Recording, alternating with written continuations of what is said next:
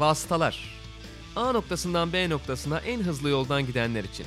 Malisel Işık, Barkın Kızıl ve konukları motor sporları gündemini değerlendiriyor. Sokrates Podcast'te Vasıtaların 15. bölümüne hoş geldiniz. Ben Barkın Kızıl, Malisel Işık ve Serhan Acar'la beraber şöyle bir 2010'ların genel değerlendirmesini yapacağız. Hoş geldiniz. Hoş bulduk, selamlar. Hoş bulduk. Programa başlamadan önce Mali dergiden haberlerimiz var. Dolu dolu. İstersen Dergi dolu fena. dolu Dergi içeriği çok biraz güzel. paylaşalım. Ya 2010'lar e, özel sayısının üstüne 2020 e, Ocak sayısı 2020'lere girerken artık. E, zaten kapakta Mihail Schumacher var. Yani gördüğünüzde Aa, ben bunu alayım diyeceksiniz ama Serhan Hoca'nın rekor yazısıyla açılıyor. Sen varken yazından bahsedince de böyle değişik oluyor değil mi? Herkes öyle hisseder ya. Ondan zaten sen bir ufak bahsedersin. Hemen diğerlerine geçeyim ben. E, Alexis Menüj'ün e, Jean Todt röportajı var. Aynı şekilde Sebastian Hahn'ın Mick Schumacher üzerine bir yazısı var. Furkan Karasoy çevirmiş. Karin Sturm'la Schumacher'in biraz daha aslında amansız tarafına dikkat çekilen çok farklı açıdan bir, farklı bir ışıkta Schumacher röportajı var. İnanın yine e, Karin Sturm'la yaptı İnan Özdemir'in. Dolu dolu bir sayı tabii ki her zaman bayilerinizden, seçkin kitap evlerinden ve dükkan.sokrates.com'dan alabilirsiniz. Sokrates 2020 Ocak sayısını. Güzel. Reklamları böylece bitirmiş olduk. Tekrar hoş geldiniz Serhan Hocam. Tekrar beraberiz diyor. 2010'lara damga vuran isimlerden bahsedeceğiz. Onlardan bir tanesi karşımızda oturuyor şu anda Serhan abi. Evet değil mi? Ben de Nasıl bir katılıyorum 10 buna. yıldı sence? İstersen öyle girelim. Valla nasıl geçtiğini pek anlamadığım bir 10 yıldı. 2010 yılında ben federasyondaydım. Formula 1 vardı Türkiye'de. Dünya Rally Şampiyonası İstanbul'da yaptık. Ondan sonra TRT'deydi yayınlar. Acayip yoğundu. Evliydim ama çocuğum yoktu. Yani hayat biraz daha rahattı o bakıma. 10 yıl sonrasında tabii ki daha yaşlandım. Az önce konuştuk işte çocuk olunca millet amca demeye başlıyor. Sokakta artık Serhan amca denen bir adam haline geldi bu dramatik kısmı. Ama bir yandan size de öyle herhalde. Ya göz açıp kapayana kadar geçti. Yani Evet. hele ben bir de 70'lere doğan bir adam olarak sonunda da olsa 79, 80'ler, 90'lar, 2000'ler, 2010'lar, 2020'ler durumum fena yani. Valla zaman çok çabuk geçiyor. Yani hele bir 30 yaşı geçince siz daha gençsiniz ama çok daha çabuk ilerliyor. Onun için pek bir alt anlamadım açık konuşmak gerekirse. Ama yani çok değişiklikler de oldu. Bir taraftan motor sporlarının 2010'lar olarak özetlediğimizde damga vuran isimler çok az. Çünkü çok fazla e, üstünlükle, çok fazla hegemonyayla geçen bir 10 yılda oldu. Yani VRC'ye baktığımızda, Dünya Rally Şampiyonası'na baktığımızda e, Sebastian Loeb ve Sebastian Ogier. Bir grup Sebastian. Bir de sonunda Ottanak oldu. O 2020'leri tanımlayacak isimlerden biri olacak belki. Ee, yine Dünya Rally Şampiyonası 2010'la e, İstanbul'daydı. 2011'de var mıydı? 2010 Yoktu. son muydu? 2010 2010 sondu. sonu. Sene daha doğrusu 10 yılın sonuna doğru tekrar Türkiye Rally'si gelmiş oldu. 18'de 8 yıl Aynen sonra. öyle. Tekrar geldi.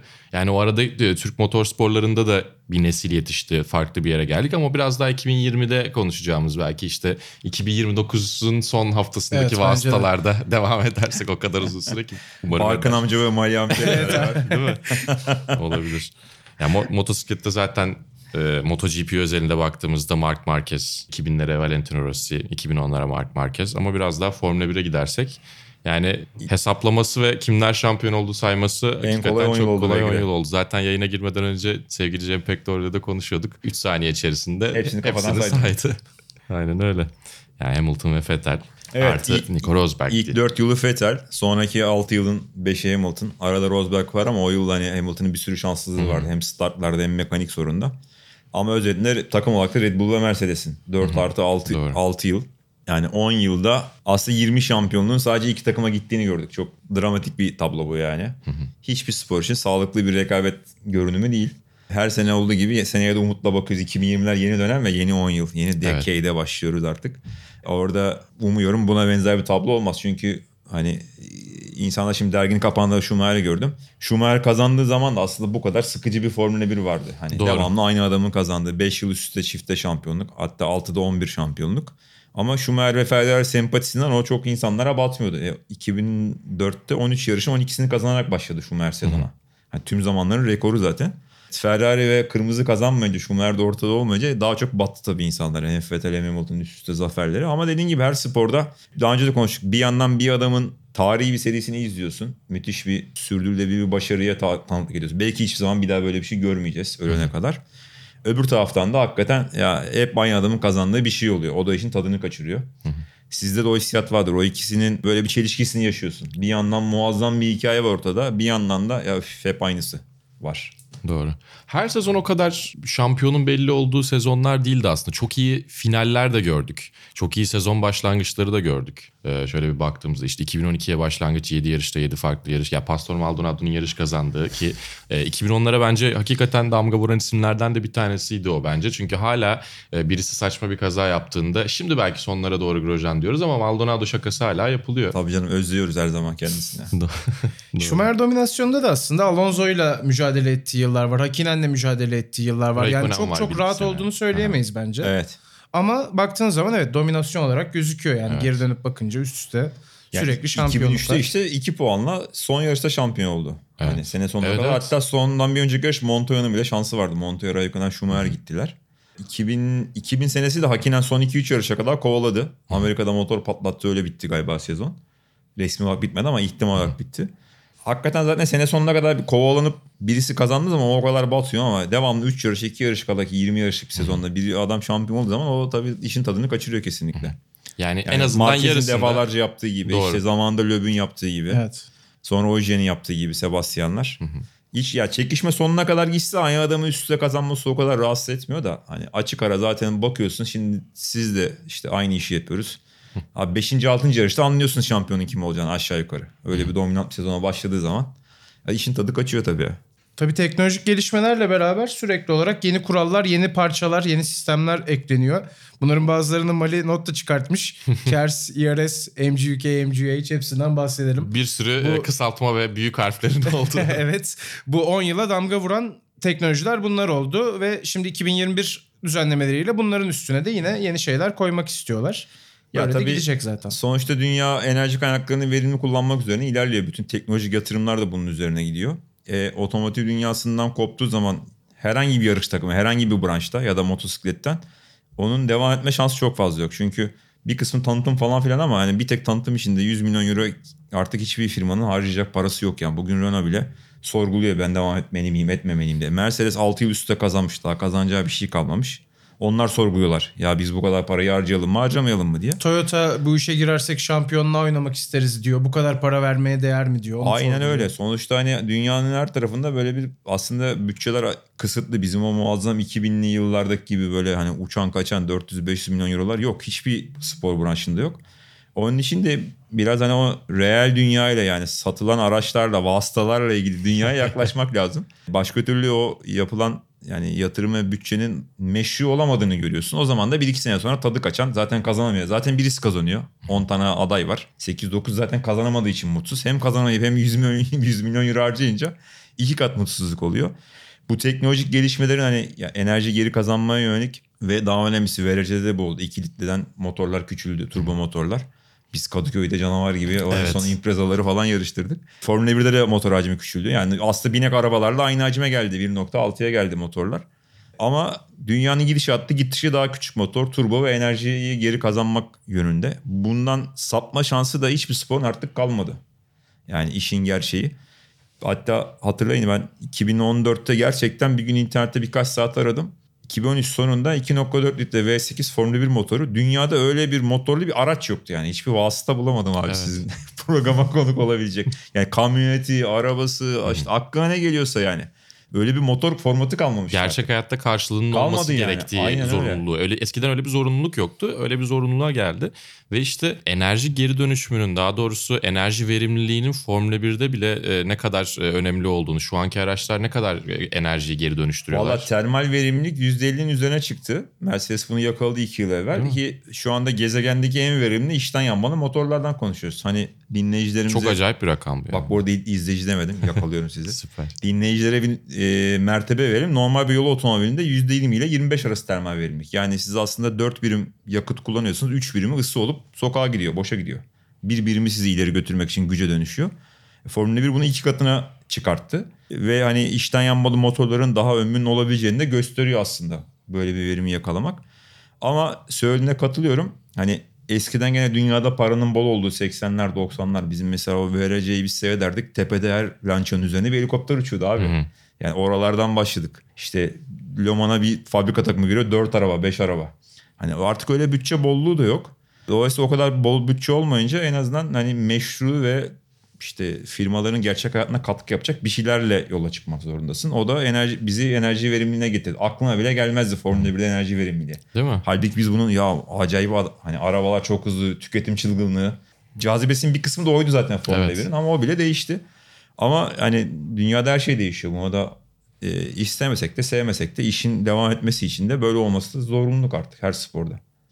Ya yine çok alıştığımız ve artık e, yarışın bir parçası, Grand Prix'lerin bir parçası haline gelen DRS sistemi de. Ben ilk çıktığı zaman da e, Heres testlerinde Sauber'in e, arka kanadına yöneltilmiş bir kamera vardı hatırlıyorum. Oradan ya ne kadar ilginç falan diye izlediğim Elini şey. soksan geçecek arka. Halbuki aslında arka kanatta bir flap açılıyor bir geri kapanıyordu ama farklı gelmişti. Çünkü daha önce hiç kullanılan bir şey değildi. Bir benzeri işte ön kanattaki açıyı tur üzerine bir kere değiştirmişti. O da hiçbir işe 2010-11 yaramadı arası. 2009'da Çok galiba. fazla yaramamıştı. Ama DRS şu anki Formula 1'i de aslında bazı yarışlarda çok heyecanlı hale getiren bir noktaya geldi ve e, belki de ayrılmaz bir parçası. E, 2021'de devam ediyor mu DRS? devam ediyor Edecek şu değil mi? anda. Et- Ee, etsek mi etmesek mi dediler en son Şu an karar olarak verdi. devam ediyor. Hani etki görüldükten sonra belki Belki. nasıl söyleyeyim kullanım oranı azaltılabilir veya belli bir yıl sonra tamamen kalkabilir ama şu an devam ediyor. Yani bir yandan şuna baktığımız zaman benzin ikmalinin olduğu yıllarda yani 2000'li yıllara baktığımızda onunla kıyaslarsak neredeyse 2-2,5 kat daha fazla geçiş görüyoruz şu anda. Çünkü o zaman takımlar ve pilotlar birbirlerini bir iki tur fazla veya eksik benzin alarak geçmeye çalışıyorlar. Şimdi bir suni önlem DRS bir başka suni önlem aşırı çabuk aşınan performans düşen lastikler. Ama bu ikisinin birleşimi tek pit stopta olunca çoğunlukla insanlara birbirini piste geçmek zorunluluğunu getiriyor. Dolayısıyla geçiş görüyoruz. Evet suni mi değil mi bir, bir miktar suni. Bizim o alıştığımız romantik wow dediğimiz geçişler çok yarış her yarışta bir iki tane ancak oluyor. Hani tadı damağında kalan böyle nasıl daldı içeriye diyeceğin.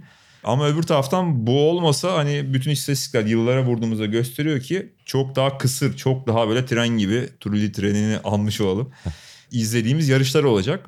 Onun için bazen ayarı çok kaçıyor dediğin gibi. Hani bazen artık çocuk oyuncağına dönüyor. Hani düğmeye basan bilgisayar oyunu bir yanından geçip gidiyor. Onu ayarlamak da çok zor. Ama DRS alanının uzunluğunu birkaç sene deneyerek bazı pistlerde Biraz daha makul hale geldi. optimize edilmiş bir Bu noktaya yıl Abu sanki Dhabi'de geldi. mi çalışmamıştı bu arada diğer Evet. Evet. musunuz? Orada Evet. da yine sıkıcı 17 tur. geçmişti diye O hatırlıyorum. Bottas'ın podyumuna mal oldu. 6,5 saniye Belki, evet. kaybettiğini hesapladı Mercedes. Yani DRS açık olsa rakiplerini geçme oranı çok daha çabuk O da olacak. tam çok şeymiş daha hocası olacaktı. sözlüğe 100 verse 5 geliyordu gibi. O hep öyle abi işte sen 10 alınca o babaya gidiyorsun baba 10 aldın matematikten Doğru. baba fizikçi 3 verdi. Evet Yani tam. Gerçekten ikisini de sen alıyorsun ama. Ya orada da bir görmüş olduk DRS olmadığında yarış nasıl olduğunu doğru söyledim. bu Çok daha zor oldu evet. Ya mesela Keyifsiz DRS oluyor. olsaydı Alonso 2010'da dünya şampiyonuydu. Evet Peto 52 tur 53 tur takip etmeyecek. aynen yani. öyle. O kadar da dramatik bak o da çok güzel bir nokta. Başka bir şey söylemek istiyor musunuz bu konuyla ilgili yoksa Halo ile devam edelim mi? Devam edelim. Devam edelim. Herhalde en devrimsel yeniliklerden bir tanesi oldu Halo. Tabii sürücü güvenliğinin ön plana alındığı bir sistem. Jules Bianchi'nin kazasının çok büyük etkisi var. Hayatını kaybetmesinin çok büyük etkisi var. Ve belki Halo'dan da daha ileri gidip tamamen kabini kapatmak gibi bir çözüm konuşuluyor. Bu konularda nerede duruyorsunuz? Ya çok uzun zamandır bir de yani 2010'ların içerisine girdiği için işte Jules Bianchi'den, Weldon ve Justin Wilson'dan bahsediyoruz ama Evet. işte 2009'da e, Henry Surtees bir hafta sonra üstüne de Felipe Massa'nın kazasından beri FIA bunu araştırıyor. Canopy'de deniyorlardı. Evet. E, Lastik denediler. fırlattılar 230 onun Aynen öyle. falan. Yani eğer güvenli olacaksa bence e, Formula 1'in formülünün yani isminin geldiği yerin o kadar e, dokunulamaz olduğunu düşünmüyorum. Sürücü güvenliği çok temel bir şey bir de. Yani hani diğerleri belki daha tartışılabilir ya da üzerinde kontra argüman verdiğinde bir karşı e, fikir belirttiğinde e, daha dinlenebilecek şeyler ama güvenlikte bence ben, ben en azından Biraz Le Mans sürücü kabinlerine yakın bir tasarım ya olabilir. Ya mesela? sürücüler güvenli oldu. Ya orada tabii şey biraz da güvenliğin de çok fazla hani e, ters tepmemesi belki işte hani araçlar ters kaldığında takla attığında Alonso'nun işte Avustralya'daki kazasından sonra nasıl çıkabileceğinin çözümü bulunsaydı belki Canopy de gelecekti. İşte Aeroscreen'i şimdi IndyCar deniyor. Ben ya ben en azından kendi durduğum nokta olarak ben tamamen destekliyorum. Sürücü güvenliğiyle ilgili ortaya atılan her şeyin her şeyin ben arkasındayım yani. Bir de çok çabuk yayıldı aslında çabuk da alıştık. Yani görüntü olarak hani ilk sene bir de renkleri de araba rengiyle uyumlu değildi ilk çıktığında. Daha da çirkindi. Evet. Biraz da estetik hale de geldi. Hani açıkçası bu sene insanların çoğu bence gözü alıştı ikinci yılda. Yani kimseye pek batmadı. Hani kendisini doğrulayacağı çok kaza oldu dediğin Evet. gibi. Mesela bugün çok büyük ihtimalle Justin Wilson yaşıyor olurdu. Evet, Önünde bir evet. halo olsaydı şu Geldikten anda. sonra da e, Makino muydu F2'de? Onun aracının üstüne e, Helos'una çarptı. Leclerc yine aynı şekilde. evet yani belki de şu an Mon- yarışamıyor olacaktı. Monza'da birisi uçak kazası yaptı yeni. Ee, şey, Formula 3'te. E, Peroni. Evet. Alex Peroni yine aynı o da şekilde. kokpitten o da. vurdu şeye. Evet, doğru. Bariyerlere. O da bugün hayatta olmayabilirdi. Dolayısıyla bence ve çok da çabuk yayıldı işin güzel tarafı. Hani alt serileri de çok çabuk yayıldı. Ee, Ne kadar temel bir güvenlik önlemi bir olduğunu yandan da gösteriyor. hala hani açık kokpit felsefesinden de kopmamış oldu. Bütün işte Formula serisi araçlar 1, 2 ve 3'e bakarsak dolayısıyla iyi bir çözüm oldu. Ben bence de dediğin gibi. Yani artık abi şöyle noktalayalım. Yani yani modern dünyada bir sporcunun canlı yayında o sporu icra ederken ölmesi kadar dramatik bir şey yok ya. Anton. Huber'i işte beraber izledik yani. Onu engelleyebilecek her ne varsa boş verin o gelenekselcileri. Çirkin abi bu işte abi bunlar cesur adamlar değil mi? Niye buna gerek var? Ya bir çık bakayım bir 280 virajı gir senin de cesaretini göreyim bunu söyleyen adamlar için. Doğru. Dolayısıyla ben de destekledim temel Ve olarak. görünüş olarak 2021 araçları Hello geldikten sonra düşünülen ilk araçlar olacaklar. Ve çok Orada güzel da- gözüküyor Değil mi? bence. Evet. Aynen öyle. Tasarımın Hello'yu hani çıkarsan daha kötü görünür çilek belki. gibi gözüküyor Hello Değil mi? tasarımda. Bence çok güzel duruyor. Şey nasıl bu ortadan tut yani destek parçası ortada ya. Tam sürücünün gözünün önüne geliyor aslında. O konuda ne düşünüyorsunuz? Böyle iki tarafta olsa acaba daha kolay olur mu sürücü için? Ya da bilmiyorum rahatsız olmuyorlar mıdır zaten artık? Ya çoğunlukla viraj dönerken tam ortaya bakmıyor Evet. aslında. Yani biraz daha açılı virajın içine doğru bakıyorlar. Tam düzlükte evet tam burnun ucunda ama şimdi hani gözlük takmanla aslında benzer bir şey. Gözlükte de ortada bir şey var. Senin odaklandığın yere bakarsan fark etmiyorsun ortada bir şeyin olduğunu. Biz hani buna içine binip gitmedik ama araç iç- içi ve hani kask üstü kameralardan gördüğümüz kadarıyla veya oyunlardan baktığın kadarıyla çok tuhaf bir şey gibi gözüküyor aslında. Ama hani bence de beklenenden çok daha çabuk alıştı pilotlar. Hiç kimse artık bununla ilgili şikayet etmiyor. Biraz kış testlerinde mızmızlanma oldu 2018'in başında. Göremiyoruz falan filan diye. Bence herkes alıştı oturdu yani. Sadece işte bu bütüncül düşülmediği için 2018 araç üstü kameralarda görüntü rezaletti. Evet. Çünkü onun açısı ve yüksekliği hala olmadan tasarlanıp o arabalar yapıldığı için. Bence de 2021'de gayet böyle hani fütüristik bir tasarımın parçası gibi gözüküyor zaten. Ve aslında e, canlı yayın grafikleri olarak da ekstra bir şey katmış oldu. Çünkü devir saatini ve hızlı çeşitli grafikleri onun üzerine koyabildiler. Çok da güzel Güzel oturdu evet. Evet, aslında bu noktada notlarımızda yoktu ama e, Liberty Media'ya da bir parantez açmak gerekir. En güzel şey abi tematik müziği yaptılar. Evet. Yani her telefon çaldığında gene gaza geliyoruz. Kızım çok seviyor. Bence yaptıkları en iyi iş o. Tabii bu kötü bir şey aslında benim bunu söylemem. Ama 2021 sonra daha rahat zamanda konuşuruz. Yani 2021 için en azından kağıt üzerine doğru adımlar atılmış vaziyette. Tabii ki sonuç verecek mi bakacağız. Mesela bu sene o işte değişen ön kanatlar korkunç bir etki yaratmadı. Otomotor Sport çıkartmış 200'e yakın fazla geçiş var. Yani 20'ye bölersen ortalama 10 geçiş fazla var yarış başına. Böyle bir geçiş festivaline dönüşmedi işler. Ama en azından bu bütçe limiti ve bir takım aldıkları hani her şeyi bir arada düşünmüş olmaları. Sadece Liberty Media'nın başarısı değil bu tabii. FIA da biraz daha konuya el attı. Hani ticari, teknik ve sportif kuralların birlikte düşünüldüğü ilk dönem bu dönem oluyor. Daha önce işte az önceki kamera açısını konuştuk. Kimsenin aklına gelmiyor. Buraya bir bar koyalım. Abi arabadan nasıl gözükecek? yayında onu kimse düşünmemiş. Hani ilk defa bütüncül denir ya moda terimle. Hepsinin Evet. bir arada düşünüldüğü bir dönem oldu.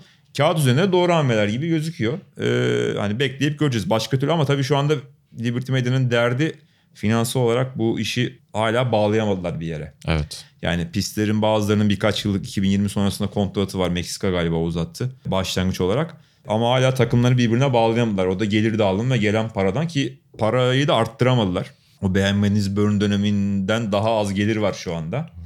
Ki Burn'ü pazarlamaya kimseyi falan çalıştırmıyordu bile. Hani kendi demeçleri de var işte. Bir beklediğimizden zor çıktı sponsor bulmak, reklam bulmak falan. O konuda da Amerikalıların pazarlama becerilerine bakarsak bir başarısızlık oldu kesin 2 yılda. Ama bir şekilde borsaya açık bir şirket halinde olduğu için bunu da önünü kesmek zorundalar. Yani bunu bir eğriye çevirmek zorundalar. Aksi takdirde çünkü hani bir neticede bir yatırım yapılmış vaziyette. Onun karşılığı gelmemiş bir tablo çıkacak. Dördüncü, beşinci yılın sonunda 2021'e geldiğimizde. O konuda zayıf çıktı yani beklendiği gibi olmadı. Bence onlar da daha kolay bekliyorlardı. O kadar kolay değilmiş demek. ki. Ben de bir olumlu noktaya parmak basayım. Medya anlamında çok daha farklı bir nokta. Ya şey gibi e, televizyon dönemine Formula 1'i Bernie Eccleston getirdi ve şu anki halinin ilk katlarının temelini o attı aslında ama e, dijital çağ Formula 1'i götürecek adam Bernie Eccleston değildi. Tamamen dijital karşı- çağda aynen. Liberty Media getirdi ve şimdi YouTube kanalı çok iyi işte yani sosyal medya üzerinden ve dünyada çoğu e, tanıtımın artık çoğu sporun bunun üzerinden gittiği bir yerde o çağı kısa sürede yakaladılar çok geriden gelmelerine Doğru rağmen. söylüyorsun. Dijital hakları daha iyi pazarlamaya başladılar. Yani cep telefonundan veya işte tabletten bir yerden Formula 1 seyretmek. Eskiden mümkünat yoktu zaten. İşte dediğin gibi YouTube kanalı 2015'te kuruldu galiba Formula 1. YouTube icat edildi. 250 yıl sonra biz bir kanal açalım dediler. Doğru. Bernie döneminde. Ee, o açıdan tamamen katılıyorum. Yani dijital dünyayı yakaladık. Abi artık bir şey yapıyorsan cep telefonunda varsan varsın yoksan yoksun. Konu o kadar net yani. İnsanları herhangi bir sporu izlemek için eve mahkum edemezsin bu çağda. Olmuyor yani. O geleneksel televizyon devri geride kaldı. Biz sadece web sitesinden yayın yapıyor olsaydık mesela. Değil mi? Yani Spotify. Ya çok daha az olurdu üzerinde. bence dinlenmemiz. Evet, tabii yani. ki. Çünkü bir, Yani. bir şekilde insana bir 45 dakika bir şeyin başına mahkum edemiyorsun artık ya. Evet. O 45 dakika telefon başında geçiyor. Aynen. Televizyonun Metroda, başında da işte şeyde. yani streaming e, servisleriyle birlikte düşünürsen. Ya çok, yani doğru. artık hani daha doğrusu tek seçenek olmamalı. Hala fanatiği tabii ki 120 ekran bir televizyonda bir şey seyretmek tabii ki daha keyifli. Ama tek seçenek olduğu zaman artık kabul görecek çağa geçtik yani. Doğru. İzleyici için ama çok iyi oldu tabii. Dediğimiz gibi işte Liberty Media'nın bu uygulamaları hem yani yakından tanımanıza sebep oluyor, yakından takip etmenize sebep oluyor.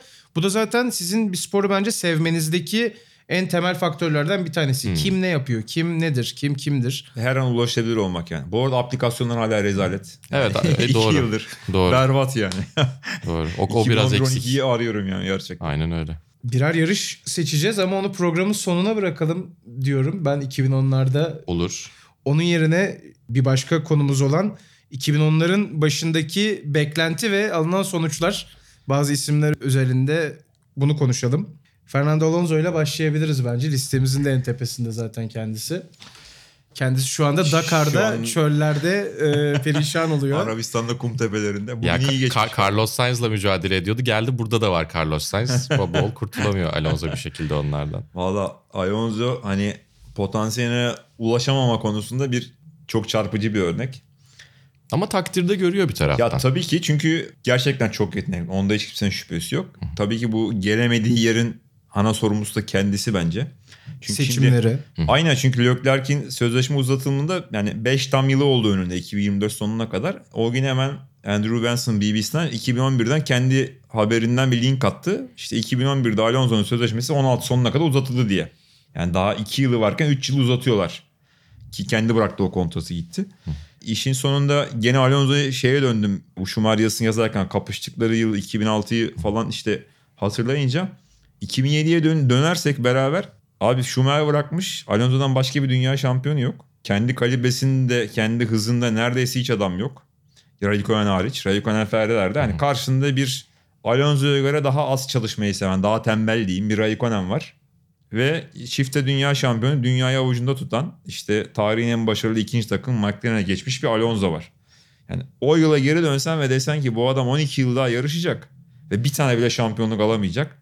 Hiç kimse inanmaz ya. En az 5 şampiyonluk falan alır Abi dersiniz herhalde. dünya ayağının altında ya o anda. Başka dünya şampiyonu yok. En kral adam konumunda en fazla parayı alıyor. Karşısında hız olarak belki Montoya da bırakmıştı 2006'ın sonunda McLaren gönderdi. Hız olarak kalibresinde belki Raikkonen var.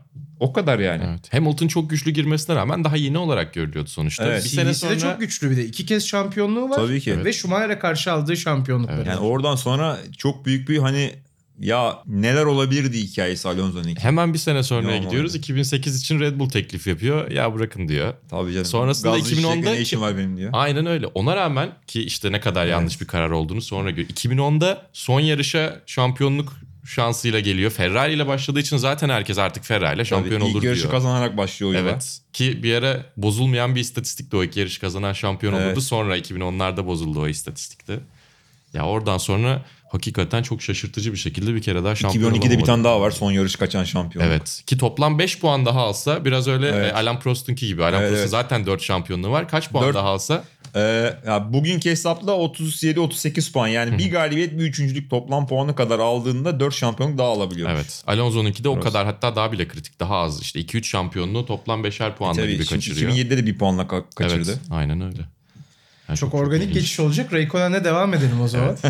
ee, Alonso'nun da rakiplerinden tabii söylediğimiz gibi onun da başarısız VRC macerası Evet. oldu. 2010'lar başladığında Raikkonen Formula 1'de değildi. En, iyi, Sağda en iyi sonucu da Türkiye Rallisi İstanbul. Beşinci oldu genel klasmanda. Onun dışında çok fazla kazasıyla bilinen bir isim. Videolarını bulabilirsiniz.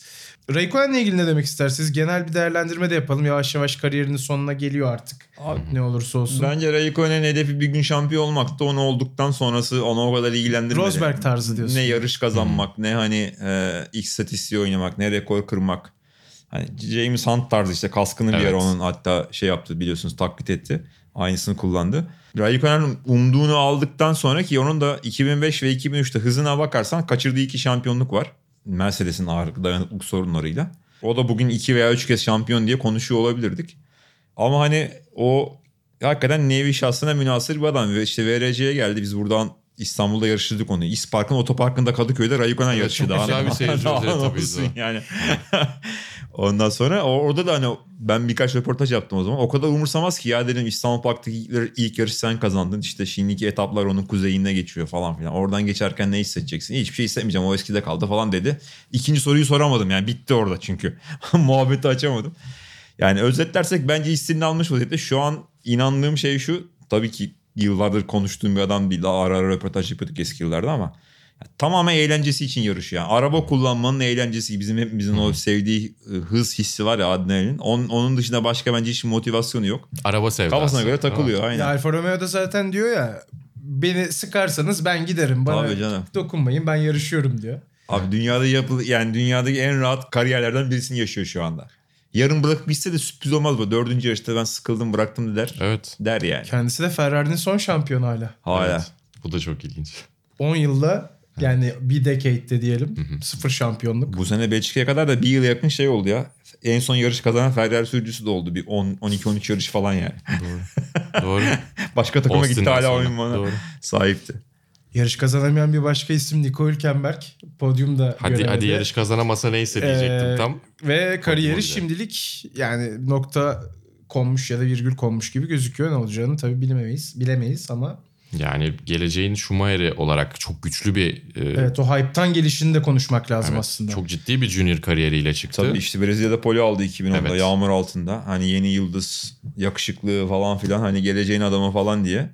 Ondan sonra kenarda kaldığı bir yıl oldu. Evet. Yarışamadığı. Orta sıradan bir türlü kendini kurtaramadı. Tam fabrika takımına gitti. İşte Palmer'ı rahat mağlup etti doğal olarak. E, Sainz'i mağlup etti diyebiliriz bir yılda ama takım alışmışlığı vardı tabii. Ricardo'nun çok gerisinde kaldı. Hülkenberg de hani pişmanlıkları olan adamlardan birisi bence. İki sene üstü Azerbaycan'da çok iyi sonuç kaçırdı kendi hatasıyla. evet. Yani bir podyum yakalayabilirdi. O şanssızlığı Bu sene kıramadı ama Almanya'da belki yine podyum yakalayabilirdi. doğru söylüyorsun. Ama onun da hayatının dönüm noktası 2010 Abu Dhabi gibi Alonso'nunki. Hülkenberg'in 2012 Brezilya. 30 tur lider gitti Force India'yla. Evet. Tarihi bir galibiyet olacaktı. En kötü hayatının ilk podyumu çok erken gelmiş olacaktı. O baskıdan ve o iğrenç ünvandan kurtulmuş olacaktı. Hatta bu sene bir demecini mutlaka yakalamıştı. Ya ben dedi F1 TV o yarışı tekrar yayınladı Brezilya'dan önce. Kalbim kanadı dedi. My heart was bleeding diye bir şey söyledi Yazık. hani seyrederken.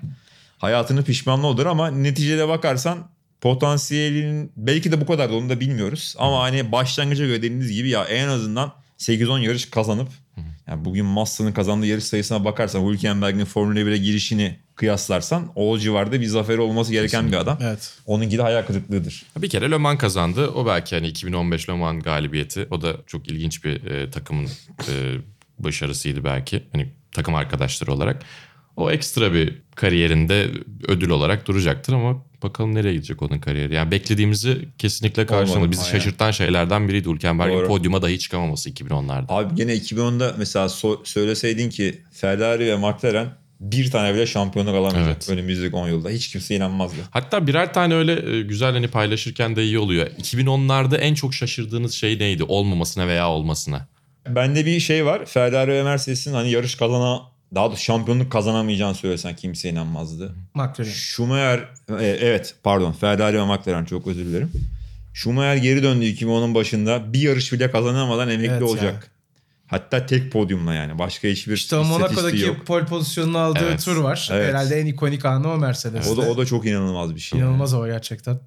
Yine o, o gün Mercedes 6 yıl üstte çifte şampiyon olacak desen gülerlerdi adama. Evet. Şey de şaşkınlık verici ya. Yani 10 şampiyonun 3 isim arasında paylaşılması ve bunların iki takıma bölünmüş olması sadece o da bence yani kolay kolay bekleyebilecek bir şey değil ki. Bu takımlardan bir tanesi Ferrari değil ya da McLaren değil.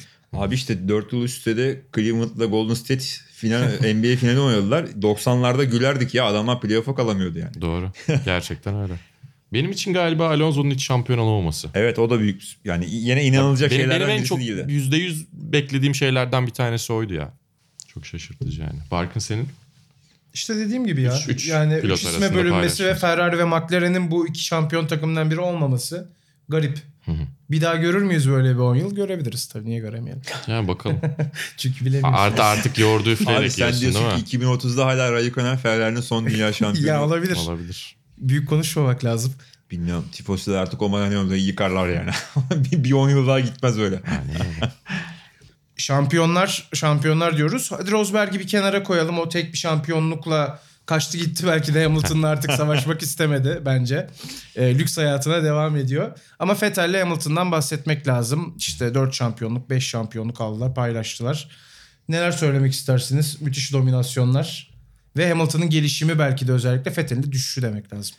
Evet 2010'lara damgasını vuran iki isim kesinlikle Vettel ve Hamilton oldu. Onda 9 şampiyonluk. Bazı sezonları çok üstün geçti. Hamilton'ın son 3 sezonu çok rahattı. Vettel'in 2011 ve 13 hani dalga geçerek şampiyon oldu. Hani elini kolunu sallayarak şampiyon oldu. Yani bir 10 yılın büyük kısmı bu ikisini izlemiş olduk. Aslında şöyle Vettel'in ilk 4 yani 4 yıl şampiyon olduğu dönem Hamilton'ın o kendisini bulamadığı bir dönem. 2011'de galiba 5 kere falan Massa'yla çarpıştı bütün sezona bulduğumuzda. Gitti telemetre verilerini internete koydu. Batına sinir olup ondan sonra gitti Red Bull motorhomunda Horner'la görüşürken yakalandı Kanada yarışında. Böyle kız arkadaşı Nicole'le habire bir darılıyor bir barışıyor. İşte bir bakıyorlar teste beklerken adam New York'ta çıkıyor falan. Böyle bir kendini bulamadığı bir dönemdi bence. O dönemdeki o sinir bozukluğunun bir kısmı da şimdi işte hepimiz yarış anlatıyoruz yıllardır. Biliyorsun abi arabaya binen herkes oradaki kalan 26, 25, 23, 19 kaç pilot varsa ben hepsini bunların geçerim diye biniyor. Ben bunların hepsini hızlıyım diye biniyor. Yoksa o arabaya binmenin manası yok ya da motorun üzerine çıkmanın. O kendinin içinden gelen o kendine güven ve hani ben en iyiyim hissiyatının karşılığında 3-4 yıl birisinin şampiyonluğunu izlemek hele bir de bunun senden daha düşük kalibrede birisi olduğuna inanıyorsan çok yıkıcı bir şey bir sporcu için. Ben öyle düşünüyorum. Onun için de o Vettel'in hani 4 yıl üstte şampiyonluk aldığı dönem Alonso'nun bütün kariyerini şekillendiren dönem. Yani Ferrari'deki o sinir bozukluğu ve ayrılığa kadar giden aslında dönemin ilk 4 %80'i. E, Hamilton'ın McLaren'a ayrılmasına sebep olan dönem. Yani bir türlü bir araba aynı anda hem hızlı hem dayanıklı olamıyor. Hızlıysa dayanıksız, dayanıklıysa yavaş. Onun için Vettel'in o ilk 4 yılı Hamilton'ın kendini bulması ve olgunlaşması açısından önemliydi. Alonso'nun da o yaşı da bir daha ileride olduğu için bu ikisine göre sinir bozukluğunun ve hani arayışlarının arttığı bir dönem oldu.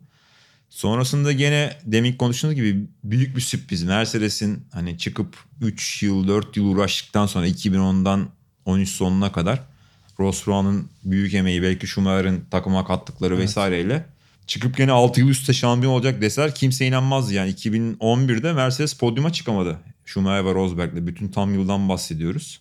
Yanlış hatırlamıyorsam 12 ve 13'te toplam 3 galibiyeti var takımın.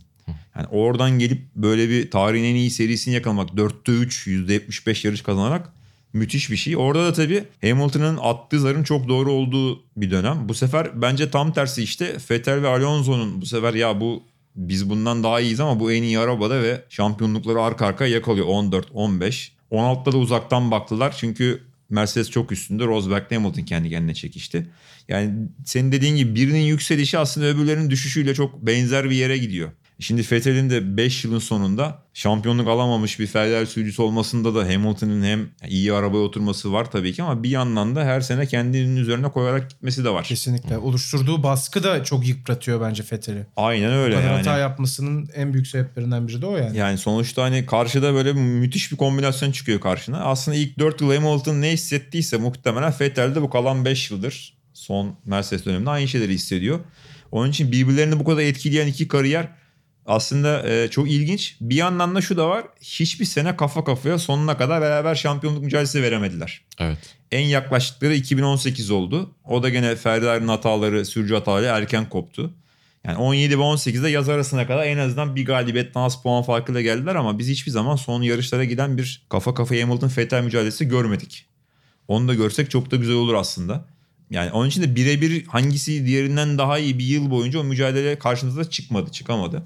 Ama birbirlerini artı ve eksi olarak çok etkileyen bir kariyer dönemi oldu ikisinin. Alonso da McLaren'de kaynayıp gitmiş oldu. Şey biraz sanki Red Bull'un böyle özelliği diyebilir miyiz? Sürücüsüne çok uygun arabayı tasarlamak. İşte şimdi Verstappen'de görüyoruz. İşte geçmişte Vettel'in şampiyonlukları arka tarafın daha kolay kontrol edilebilir bir araç olduğu söyleniliyor o Red Bull için. Herhalde bunun üzerinde biraz duruyorlar sürücüyü şampiyon çıkartabilmek için. Yani Ben öyle hissediyorum en azından. Edwin Levy ADS teslim araba tasarlayabilen hani Evet. 2-3 dahiden birisi. Neticede bugün haber geldi hatta Verstappen'in yeni işte 3 yıl kontrat uzattığı Evet. haberi geldi. Orada bence dediğin gibi artık 2010'ların başında nasıl Vettel'in üzerine kurdular takımı. Multi 21'den tut da işte yeni ön kanat geliyor. Bir tane geliyor. Vettel'e veriyorlar. İkinci geliyor. O kırdığı Silverstone'da Weber'den söküp bir de ona verdiler falan filan. Masal bardaklar uçtu havada falan yani. Evet. Dolayısıyla şu andan sonra Red Bull'un yani tek adamı Verstappen olacak üzerine oynayacağı. Bu noktadan sonra diğer pilotu ancak ona ayak uydurmak beklentisiyle bakacaklar. Hani en azından desteklesin işte podyum yakalasın falan filan.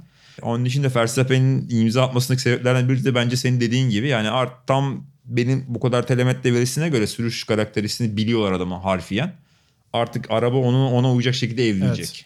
Yani yeni bir macera çıkmak yerine o en azından vücudunda bir terzinin diktiği takım elbise gibi oturan bir arabayla yarışıyor olacak. Bence Verstappen'i devam konusunda etkileyen hususlardan birisi senin bahsettiğin hikaye. Yani tek adam ve ona uygun bir araba. Schumacher'de Ferrari yılları öyle oldu. Bridgestone hatta ona uygun lastik yapıyordu. Hani bırakın sadece Ferrari'yi. Tek başına ona uygun bir lastik yapıyorlardı. Geçelim yarışlara. Evet. Başlamak ister misin Mali? Ya herhalde çoğu listenin en başındaydı. 2010'ların akılda kalıcı Grand Prix'leri dendiğinde ama bir motor sporları günü olarak da çok acayipti. 2011 Kanada. Çünkü sabahında daha doğrusu bir önceki günde 2011 Le Mans 24 saat vardı. Son 10 yılın en acayip Le Mans'larından biri. Audi ilk saatte e, Albon McLeish'in kazasıyla acayip bir e, kötü başlıyor zaten. Gecenin ilerleyen saatlerinde gece düştükten sonra daha doğrusu hava karardıktan sonra Mike Rockenfeller aracı kaybediyor. Tek araçla kalıyorlar Peugeot'lara karşı. Sabah inanılmaz stintlerle birlikte Le Mans'ı kazanıyorlar. İşte biz onları anlatıyorduk. Aa, ne güzel gün oldu diye dinlendik Seçim geldik. var Türkiye'de o gün bir de. Aa bir de öyle bir şey Tabii tabii, vardı. genel seçim doğru, vardı ya. Doğru. Hükümet seçimi vardı. Doğru bir de öyle bir şey vardı. O ara işte e, TRT'nin Sefaköy'deki stüdyolarına gitsek mi gitmesek mi falan gibi ben böyle hani Le Mans yordu biraz evden izleyeyim dedim. E, sen tabii ki öyle bir şey yapamadığın için abi. Evet arada ben de seçim sonuçlarına baktım o iki saatlik arada. Kimle hangi parti ne yapıyor falan 2011 diye. Kanada Grand Prix'si benim için çok acayipti. Ya ben de katılıyorum. Tek bir yarış seçilirse Formula 1 tarihinin yarışlarından bir tanesi. Olabilir. E, 4 saat 4 dakika süren bir şey var. Bir de hani süreyi boş ver abi Hollywood filmi gibi. Yani Evet. olmayan hiçbir şey yok. 6 defa pite giren işte kendi takım arkadaşıyla çarpışan, Alonso ile çarpışan. Çarpışan lastik arabalar gibi gidiyor zaten. lastik patlatan. Aynen. Biri ceza olmak üzere Biri 6 ceza pit ve değil 6 mi? pit. 5 tane 5 defa pit stop var. Bütün bunların ardından son turda liderle alıp yarış kazanan bir adam. Yani Evet. Hani son turda Vettel kazansa bugün gene o kadar konuşulmazdı. Hani Evet. bu yarış. Bir de son turda kazanan değiştiği inanılmaz bir hikaye oldu. Yani her yılın bir tane yarış öne çıkıyor belki ama o 10 yılın bence de en çok hani hatırda kalan yarışı. Tamamı yağmur altındaydı değil mi? Sonlara doğru kurudu, biraz kurudu Çok ama yarış çizgisinin evet. dışı zaten ıslaktı ki zaten. Ama yine Fethel'in o işte oydu. saptığı yer ıslak mesela. Evet, Son evet. turda Hiçbir zaman tam kurumadı yani yarış. Pist. Sen söyle Serhan abi. se- Sence hangisiydi? Hadi bu yarışı dışarıda bırakalım. Ee, 2010'ların en iyi yarışı. Onu dışarıda bırakırsak yani her seneden birkaç yarış kalıyor aklımda. 2014'te Bahreyn çok keyifliydi. 2017 Azerbaycan yine inanılmazdı. Evet. Ee, İnan hani- Özdemir'i tekrar Formula 1'e e, getiren. Her şeyi gördük. Ama muhtemelen bu seneki Almanya gene. Değil Hani mi? Onun ardından sanki bir ikinci yarış seçsek 2019 Almanya olur gibime geliyor. Gene böyle hani 10 yıl sonra atılacağımız bir yarış olarak. Yakın olunca sanki biraz böyle hani değeri düşükmüş Ama gibi Almanya'da şey hissediliyor ama yani. Hani dönüp bakınca evet. yine her şeyin gibi. olduğu bir yarışı izledik. Baştan sona Çok bir de. büyük sürprizlerle. evet. Mercedes'in zayıflık gösterdiği tek yarışı izledik. Çok uzun bir sürede işte o pit stop kargaşası. Hamilton iki defa sürüş hatası yaptı. Hani yılda bir kere bile yapmıyor normalde sonucu etki eden. Aslında kendimize de pay çıkarabiliriz. 2010 Türkiye Grand Prix'si de güzeldi. Hatta çok Harika. çoğu, çoğu e, Doğru sosyal medya sayfalarında gördük. Hamilton 2010'lara takım arkadaşına çarparak başlamıştı. Ay, Hamilton diyorum Vettel pardon. Vettel takım arkadaşına çarparak başlamıştı 2010'lara. 2010'lara aynı şekilde Brezilya'da biraz. Ben o evet. yarışta mavi bayrakları kontrol etmek için telsizleri dinliyordum. Önde gidenleri dinlemen gerekiyor. Aynı anda hem Red Bull hem McLaren telsizini dinliyordum. O çarpışma oldu. Vettel evvel birbirine çarptı. Tabii ki kıyamet koptu bizim yarış Evet. kontrolü. Charlie Whiting'in sakinliğine rağmen. Çünkü yani lider ve ikincinin çarpışı çok az olay oluyor. Anında bizim hakeme harikadır. Hepsine selam olsun buradan dinleyenlere. Yani yarım saat içinde sarı bayraklar, çift sarı her şey tıkır tıkır yürüyor. Ben hani mavilerden şikayet ederler mi diye dinliyorum işte şeyleri. Daha Vettel araba dönerken Şimdi söyleyeyim nasıl olsa televizyondayız. What the fuck is you doing? Fucking idiot, fucking idiot diye bağırıyor ama araba hala dönüyor bu arada. Çakalamızına doğru uçuyor böyle. Bizim oradaki müdahaledeki arkadaşlar hareketlendi hemen hani bir arabayı kaldırmak gerekecek. Belki iki arabayı. Herkes böyle alarmda. Araba durana kadar küfür etti. Ben o biplerin gerçeklerini duydum yani. Ondan sonra çok unutulmaz bir yarış oldu. Bizim hakikaten pistteki en güzel yarış oydu. Evet. 2010'da. Ve DR sessiz gerçek böyle Evet. Hamilton Button çekişmesi ondan sonra. Hı hı. Onlar bir ara birbirine girdi. Hani geçmeyecekti, geçecekti falan diye. Sonra Çok- abi hiç mi takip etmiyorsunuz yarışı? Ne oldu az önce dediler ve Tabii, takım tabii. onları tekrar bir Muazzamdı ayırdı. ya. Yani bir tane yarış ben de söyleyeceksem daha böyle bireysel performans üzerinden 2016 Brezilya Max Verstappen'in performansını söyleyebilirim herhalde. Yarışın kendisi de çok güzeldi zaten. Evet Senna ile Schumacher'le kıyaslanan bir yağmur O, performansı. onun 84 Monaco'su gibiydi Evet. aslında ya da işte 96 İspanya Evet, Schumacher mesela. gibi olabilir. olabilir. Son bölümde özellikle 16 turda 11 geçiş yapıyor Muazzam bir yükselme var evet. Ve podyumda bitiriyor Mercedeslerin arkasında. En özel performanslardan biri ki İki defa çok genç. süper kontrolle bariyer girmekten kurtarıyor. Evet, bir de böyle spini kurtardığı drift anlar. şovları var yani bir yandan. Yani o öne çıkan performanslarından bir tanesiydi bence 10 yılın. Güzel. Dolu dolu bir 10 yıl geçirmişiz aslında. Geçirmişiz. Konuşunca fark ediyor insan. Abi biz 10 saat konuşuruz ya. 10 Değil mi? yıl her yıla bir saat konuşuruz biliyorsun. Ama 10 saat konuşamayacağımız için yavaş Yavaş yavaş, noktalama zamanı geliyor. Birbirimize bıraktık bu arada. Siz tabii görmediniz ama. kapanışı- teşekkürler. Gene görüşürüz ben bitireyim. Görüşürüz. Bizim takım Çok patronlarımız rahat ediyor. Bizim aramızda öyle bir şey olmadığı için. E, vasıtaların 15. bölümüne. evet siz Sainz'la Norris gibisiniz ya. Evet, Gayet iyi mi? anlaşıyorsunuz. Güzel. Teşekkür ederiz. Keyifle her zaman. E, Vasıtaların 15. bölümüne, 2010'lar özel bölümüne böylece e, veda ediyoruz. Sevgili Serhan Acar, ne zaman istersen, ne zaman müsait olursan Çok zaten keyifli ya benim için. Ben Gelmeye de buraya eğlenmeye geliyorum. Size sohbete geliyorum. Ee, Çok teşekkür işin yayın kısmı bir yana. Onun için ben de her fırsat bulduğumda siz ne zaman isterseniz buralara geliyoruz. Her benim zaman için de büyük keyif abi. Sağ olun. Çok teşekkürler. sağlık. Vasıtalar bitti. Bir Hoşça sonraki kalın. programda görüşmek dileğiyle. Hoşçakalın.